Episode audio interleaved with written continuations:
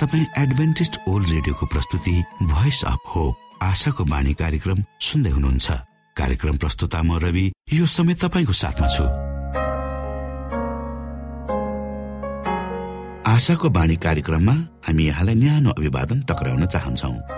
तपाईँको व्यक्तिगत जीवनले परमेश्वरको सत्यता र उहाँको प्रेम अनि मार्गदर्शनका विषयमा चाहिने महत्वपूर्ण कुराहरूलाई प्रष्टसँग बुझ्न सकुन् भन्ने उद्देश्य सहित प्रस्तुत कार्यक्रम आशाको बाणी तपाईँको आफ्नै कार्यक्रम हो। दैनिक यसलाई सुन्नुहोस्। आफ्ना मनमा यदि शङ्का दुविधाहरू छन् र तपाईँ हामीलाई प्रश्न गर्न चाहनुहुन्छ भने हामीसँग तपाईँ सजिलै सम्पर्क गर्न सक्नुहुन्छ। हाम्रो ठेगाना हामी हाम्रो कार्यक्रमको अन्तमा बताउने गर्दछौ। हाम्रो कार्यक्रममा सक्रिय रूपमा सहभागी भएर हाम्रो उत्साहलाई बढाउने समस्त श्रोतामा आज पनि तपाईँलाई चाहिने प्रकारको कार्यक्रम लिएर हामी उपस्थित भएका छौँ। श्रोताको चाहना र श्रोताको व्यक्तिगत जीवनका भलाइका कुराहरूलाई समेटेर प्रस्तुत गरिने यो कार्यक्रम आशाको बाणी तपाईँ सुन्दै आउनु भएको छ र आज पनि हामी त्यही क्रममा छौँ। सुरुमा सुनौ यो मधुर क्रिस्टीय भजन।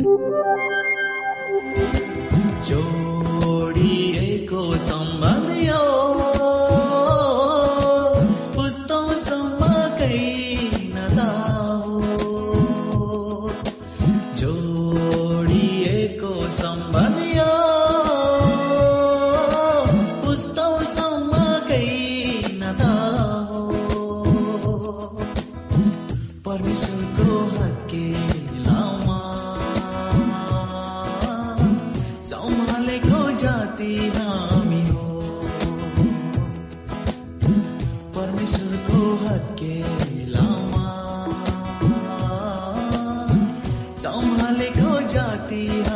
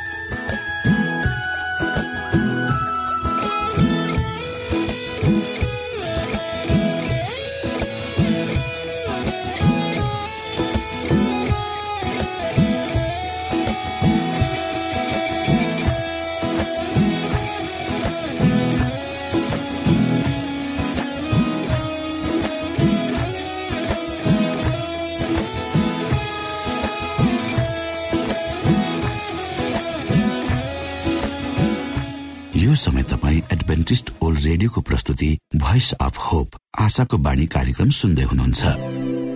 म तपाईँहरूकै मित्र पास्टर धनलाल राई यहाँहरूको बीचमा परमेश्वरको वचन लिएर आएको छु। मलाई आशा छ तपाईँहरूको दैनिकीहरू ठिकठाकसँग प्रभुको अगुवाईमा बित्दैछ। श्रोता तपाईँमा कुनै किसिमको अप्ठ्याराहरू छन्?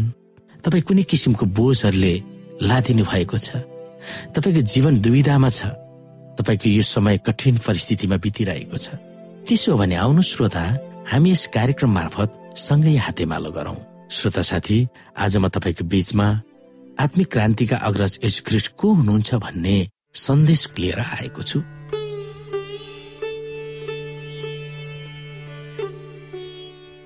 श्रोता आफू मानिसको पुत्र र परमेश्वरको पुत्र हुँ भनेर यसुलाई स्पष्ट रूपमा थाहा थियो। हामीले यो कुरा लुका बाइस अध्यायको सडसठीदेखि सत्तरीमा हेर्न सक्छौ। यद्यपि आफूलाई मानिसको पुत्र भनेर कहलाएको उहाँ चाहना गर्नुहुन्थ्यो। कुनै मानिसलाई यसरी सम्बोधन कहिल्यै पनि गरिएको थिएन। न त गर्नु नै पर्ने आवश्यकता नै थियो। यसुले आफूलाई मानिसको पुत्र भनेर आफैले सम्बोधन गर्नुभएको बाहेक स्टिफनसको भाषण प्रेरित सात अध्यायको छप्पन्न र प्रकाश एक अध्यायको तेह्र र चौधको चौधमा मात्र उपयुक्त नाउँले उहाँलाई सम्बोधन गरिएको पाइन्छ। यो सम्बोधन सुसमाचारको पुस्तकमा अस्सी पल्ट भन्दा पनि बेसी उल्लेख गरिएको छ भने लुकाको पुस्तकमा मात्र पच्चिस पल्ट उल्लेख गरिएको छ। लुकाको पुस्तकमा यसुलाई उपयुक्त नाउँले धेरै पल्ट सम्बोधन गरिएको कारण चाहिँ लुकाले यसुको मानवीय स्वभावप्रति अत्यन्त गहिरो चासो राखेकोले हो। मुक्तिको सुसमाचार सुनाउन परमेश्वरले उहाँलाई मानिसको चोला बनाएर पठाउनु भएको परमेश्वरको कामलाई उनले कामलाई उनले केलाएर लेख्न पुग्दा लुकाको प्रयासलाई सराहनीय नै मान्नु पर्दछ परमेश्वरको पुत्रलाई मानव चोला लिएर यस संसारमा आउनु भनेको हामीहरूको निम्ति उहाँ सबै थोक हुनुभएको हामीले मान्नुपर्छ।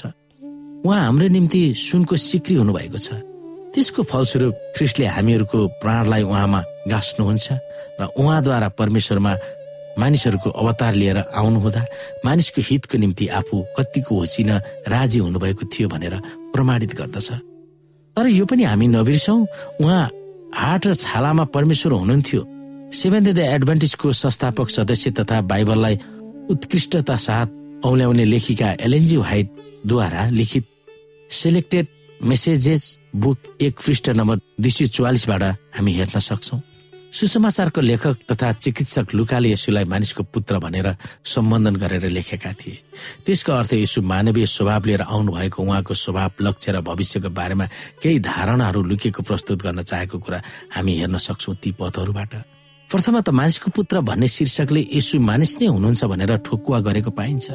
लुका सात अध्यायको चौतिसमा तर उहाँले संसारले दिने कुनै मान पदवी आदि ग्रहण गर्न सिमानामा नरहनु भएको थियो भनेर बताउँदछ। लुका नौ अध्यायको अन्ठाउन्न अनुसार संसारका मानिसहरूले आफ्नो भाउ खोजेर आफू अरूभन्दा ठुलो कहलाइएर अरूलाई निम्न मानिस सर हेर्न चाहन्छ। तर यसुले आफूलाई मानिसको पुत्र भनेर कहलाउँदा आफूलाई सर्वसाधारण मानिसहरू सर आफूलाई गनिएको उहाँ चाहनु भएको थियो भनेर देखाउँदछ। दोस्रोमा त्यही वाक्यांशलाई प्रयोग गरेर परमेश्वरको स्थानमा ख्रिस हुनु भएको लुकाले देखाउन चाहेका थिए भनेर देखाउँछ। उनले यो पनि सोध्न सक्थे कि यदि यसुले ती सबै अलौकिक कामहरू गर्न सक्नु भएको थियो भने कालकोठीमा किन जाकिएर बसेको छु त? समय समयमा यस्ता भावनाहरूले हामीलाई पिरोलेको छैन र यदि परमेश्वरमा सबै शक्ति छ भने यो दुर्गति मलाई किन भइरहेको छ? तर यथार्थमा यसुले भन्नुभएको योहन्ना तीन अध्यायको उन्नाइस र बिसमा पनि यो लेखिएको छ। फैसला चाहिँ यही हो ज्योति संसारमा आएको छ र मानिसहरूले ज्योति भन्दा बरु अन्धकारलाई रुचाए किनकि तिनीहरूका काम दुष्ट नै थिए। किनभने दुष्ट काम गर्ने हरेकले ज्योतिलाई घृणा गर्छ र ज्योतिमा आउँदैन नत्र त त्यसका काम प्रकट हुनेछन्। जसरी अन्धकार र ज्योति मिसिँदैन त्यसरी नै यसो र उहाँप्रति शङ्का गर्नेहरू मिसिन सक्दैन। प्रत्येक यसुको उपासकको लागि उहाँ ज्योति हुनुहुन्छ जसले अन्धकारमय मानव हृदयलाई उज्यालो दिन्छ र उसमा भएका पापमय फोहोरलाई विस्थापित गरिदिन्छ। यसु परमेश्वरको पुत्र हुनुहुन्छ भनेर यसु भक्तहरूले जिकिर गर्दा उहाँलाई त्रिएक परमेश्वरको दोस्रो व्यक्तित्वको रूपमा स्वीकार गर्दछन्। यसुको मानवत्व र दैविकत्वको रहस्यलाई मानव मस्तिष्कले बुझ्न नभ्याए तापनि परमेश्वर मानिस हुनुभएको यसुको अचम्मको सत्यता र उहाँले प्रदान गर्ने महान आशाको गरिमा घट्दैन। यो पनि ख्याल गर्नु जरुरी छ कि यसो कुनै महान ज्ञानी वा व्यक्तित्व भएर तपस्या गरेर वा अनेकौं अलौकिक काम गरेर भगवानमा ईश्वर हुनुभएको थियो होइन?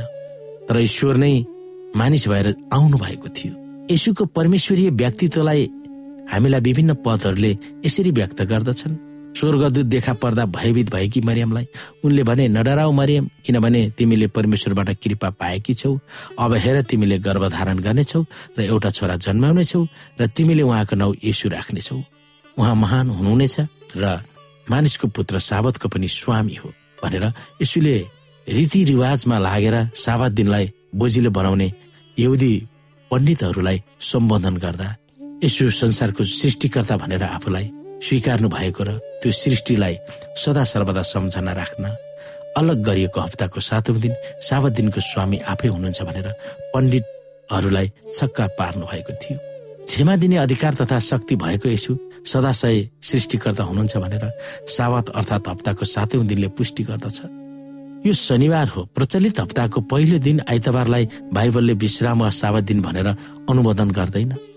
तेस्रोमा संसारको सृष्टिभन्दा पहिले स्त्री एक परमेश्वरको निर्धारण गरेको मानिसलाई उद्धार गर्ने काममा सम्पन्न गर्न योजना बनाइएको थियो। त्यसकारण मानिसको पुत्र पापको भुमारीमा हराएकाहरूलाई खोज्न र उद्धार गर्न आउनु भएको थियो। तर त्यो उद्धार गर्ने काम तबसम्म पुरा हुँदैन। जबसम्म मानिसको पुत्रले धेरै दुःख कष्ट सहेर मृत्यु हुँदैन र तेस्रो दिनमा पुनरुत्थान हुँदैन। मानिसलाई पापबाट उद्धार गराउन आफू कुन बाटोमा हिँड्नुपर्छ र कुन मोल चुकाउनु पर्छ भनेर यसुलाई थाहा थियो। त्यस योजनामा ख्रिसको आत्मसमर्पणतालाई खुलासा गरिएको हामी पाउँछौ। चौथोमा हामी विभिन्न पदहरू हेर्न सक्छौ। मसियोको महान कष्टको पूर्णतालाई कसरी चित्रण गरेको छ। आउनु श्रोता आफूलाई क्रुसमा चढाएर मारिने कुराको अग्रिम ज्ञान उहाँमा थियो भनेर लुका अठार अध्यायको एकतिसदेखि तेत्तिसमा भन्दछ।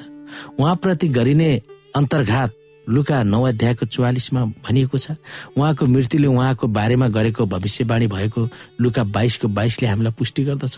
उहाँको क्रुसको मृत्यु र पुनरुत्थान लुका चौबिस अध्यायको साथले हामीलाई भन्छ। परमेश्वर पिता र मानिसको बीचमा उहाँले गरिने पैरवी अर्थात् सहजकर्ता लुका बाह्रको आठले हामीलाई प्रश्न पार्छ।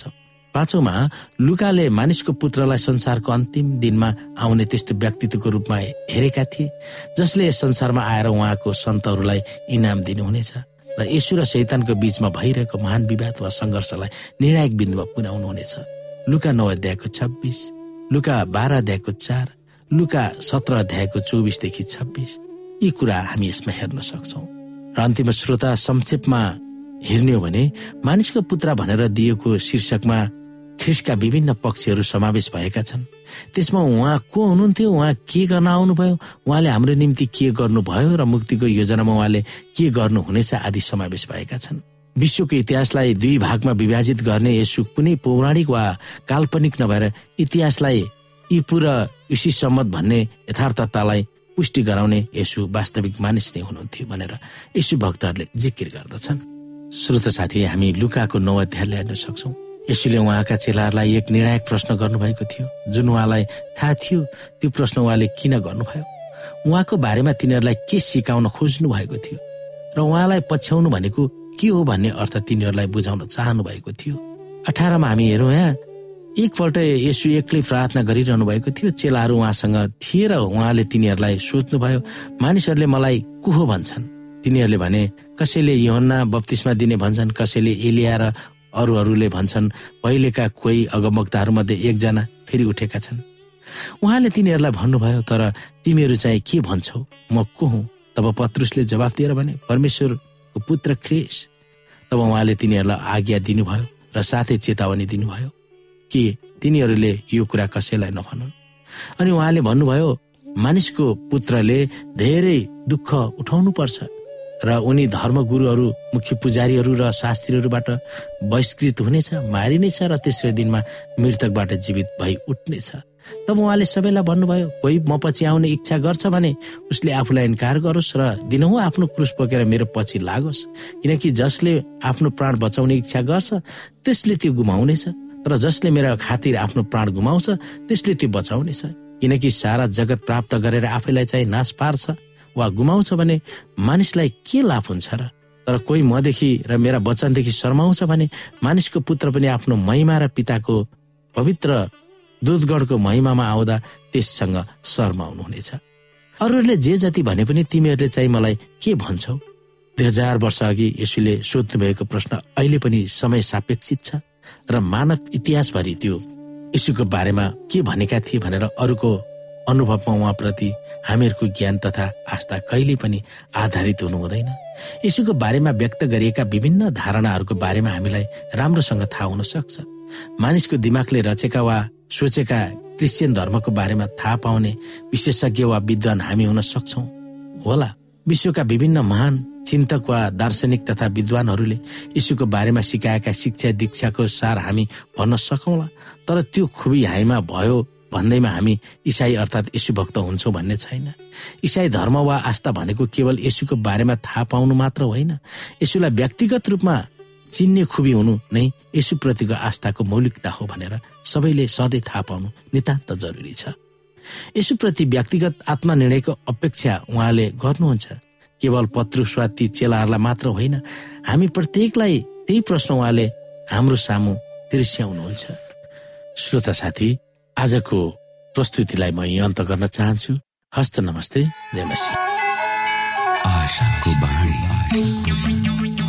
यो समय तपाईँ एडभेन्टिस्ट ओल्ड रेडियोको प्रस्तुति भोइस अफ होप आशाको बाणी कार्यक्रम सुन्दै हुनुहुन्छ। कार्यक्रम सुनेर बस्नुहुने सबै श्रोतालाई हामी हाम्रो कार्यक्रममा स्वागत गर्न चाहन्छौ। श्रोता मित्र यदि तपाईँ जीवनदेखि हरेस खानु भएको छ तपाईँका जीवनमा धेरै अनुत्तरित प्रश्नहरू छन् भने आउनुहोस् हामी तपाईँलाई परमेश्वरको ज्योतिमा डोहोऱ्याउन चाहन्छौ। र तपाईँ आफ्नो जीवनका चिन्ता फिक्रीबाट निश्चिन्त हुनुहोस् र बाँच्नुको आनन्द परमेश्वरको सामिप्यमा कति मिठो हुन्छ त्यो चाख्नुहोस् भनी हामी चाहन्छौँ। श्रोता यदि तपाईँ आशाको बाणी कार्यक्रमलाई अनलाइन सुन्न चाहनुहुन्छ वा डाउनलोड गर्न चाहनुहुन्छ भने डट ओआरजीमा जानुहोस्। त्यहाँ तपाईँले प्रत्येक दिनको कार्यक्रम सुन्न र डाउनलोड गर्न सक्नुहुनेछ। हाम्रो वेब पेज यस प्रकार छ डब्लु डट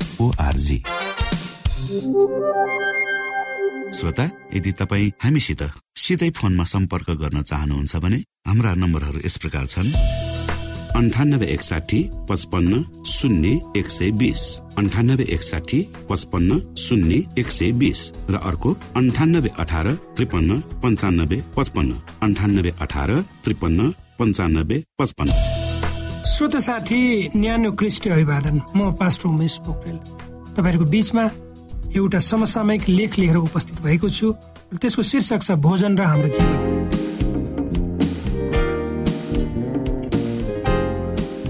जीवन वास्तवमा भन्ने हो भने एक दौडिरहने इन्जिन हो वा मिसिन हो। र हाम्रो शरीरलाई चल्न र लामो समयसम्म जिउनको निम्ति ऊर्जा चाहिन्छ। अर्थात् शरीरलाई उपयुक्त भोजनको आवश्यकता पर्छ। ऊर्जा जसले हाम्रो शरीरलाई शक्ति दिन्छ।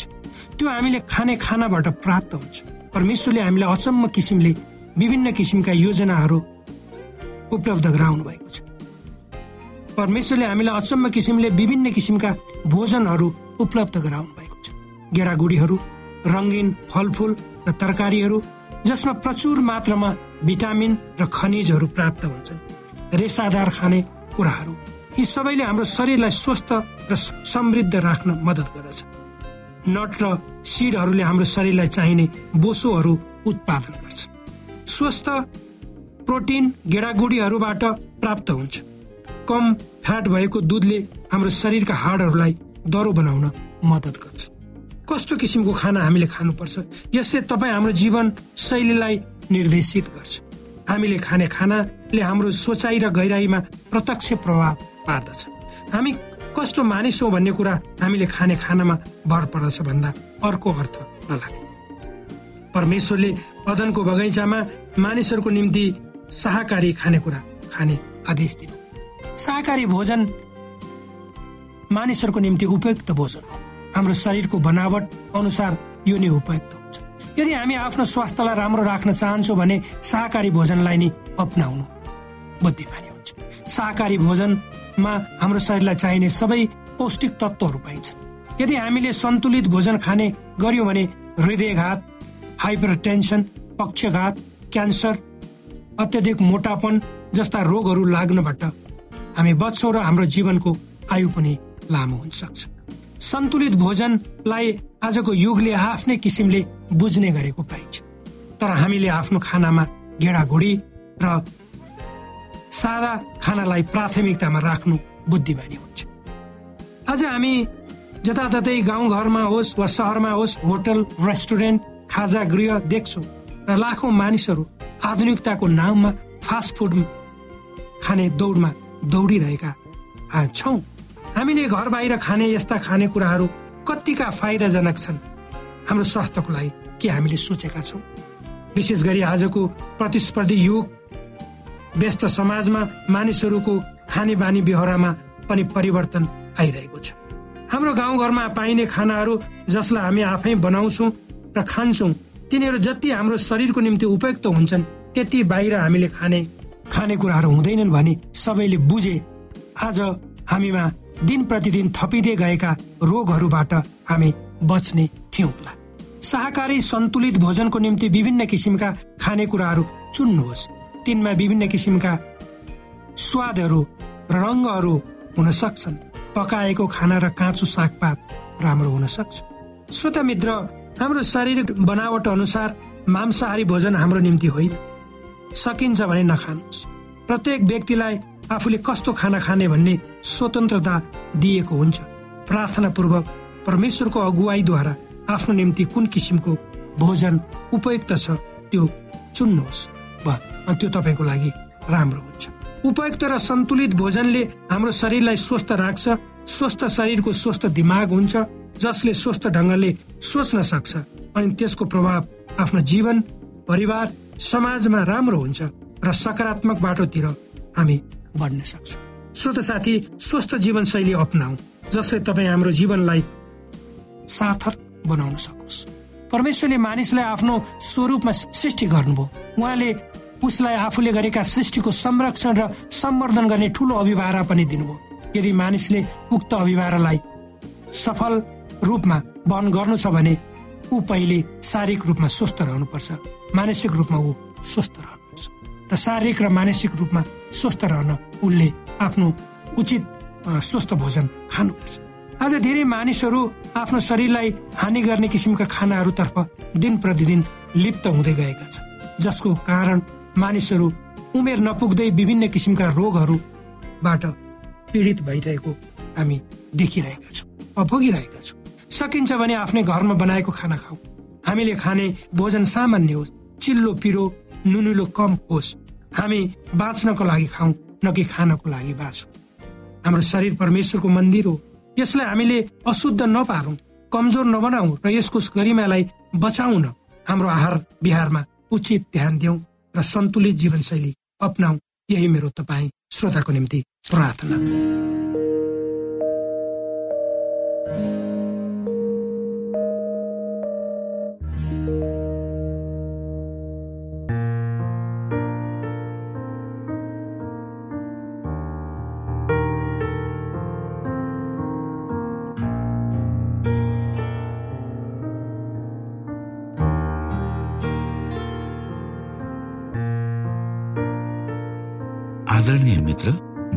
बताएको छ परमेश्वरले तिर्खाकाहरूलाई तृप्त पार्नुहुन्छ र भोकालाई उत्तम पदार्थले सन्तुष्ट पार्नुहुन्छ। हामीलाई दिइएको यो छोटो समय आशाको बाणीको प्रस्तुतिको समयमा हामीले हाम्रा श्रोताको आत्मिक भोकलाई केही मात्रामा भए तापनि सही प्रकारको खोराक पस्केर आत्मिक सन्तुष्टि दिन सकेका छौँ केही ऊर्जा थप्न सकेका छौँ भनेर हामीले आशा राखेका छौँ। आफ्ना मनमा भएका केही दुविधा र शङ्काहरू छन् भने अवश्य हामीसँग बाँडेर शङ्काको निवारण गर्नुहुनेछ र सही प्रकारको बाटो पहिल्याउन सक्नुहुनेछ परमेश्वरको सच्चाइले अझ राम्रो बुझ्न सक्नुहुनेछ र आफ्नो जीवनलाई परमेश्वरमा पूर्ण समर्पित भएर समर्पण सहितको जीवन बिताउन सक्नुहुनेछ भनेर आशा राख्दै अब हामी हाम्रो कार्यक्रम सकिएको जानकारी यहाँलाई गराउन चाहन्छौ। जानुभन्दा अगाडि श्रोता हामी यहाँलाई हाम्रो ठेगानाको विषयमा जानकारी गरौँ। हामीसँग पत्राचार गर्ने हाम्रो ठेगाना यस प्रकार छ। आशाको बाणी पोस्ट बक्स नम्बर दुई शून्य शून्य शून्य दुई काठमाडौँ नेपाल। आशाको बाणी पोस्ट बक्स नम्बर दुई शून्य शून्य शून्य दुई काठमाडौँ नेपाल। यसै गरी श्रोता यदि तपाईँ हामीसँग सिधै कुराकानी गर्न चाहनुहुन्छ भने हाम्रो फोन नम्बर यस प्रकार छ अन्ठानब्बे एकसाठी पचपन्न शून्य एक सय बिस र अर्को अन्ठानब्बे अठार त्रिपन्न पन्चानब्बे पचपन्न। यदि तपाईँ हामीलाई अनलाइन सुन्न चाहनुहुन्छ वा डाउनलोड गर्न चाहनुहुन्छ भने तपाईँ W W W dot AWR dot ओआरजीमा जानुहोस् र त्यहाँ तपाईँले हाम्रा सबै कार्यक्रमहरू सुन्न सक्नुहुनेछ। हाम्रो वेब पेज यस प्रकार छ W W W dot AWR dot ORG श्रोता यसमा गएर तपाईँले हाम्रा दैनिक कार्यक्रमलाई सुन्न सक्नुहुनेछ र डाउनलोड पनि गर्न सक्नुहुनेछ। हवस् त श्रोता हाम्रो कार्यक्रम सुनिदिनु भएकोमा एकचोटि फेरि यहाँलाई धन्यवाद दिँदै भोलि फेरि यही स्टेशन यही समयमा यहाँसँग भेट्ने आशा राख्दै प्राविधिक साथी राजेश र पास्टर उमेश पोखरेल र कार्यक्रम प्रस्तुता म रवि यहाँसँग विदा माग्दछौ। परमेश्वरले तपाईँलाई धेरै धेरै आशिष दिनुभएको होस्। नमस्कार।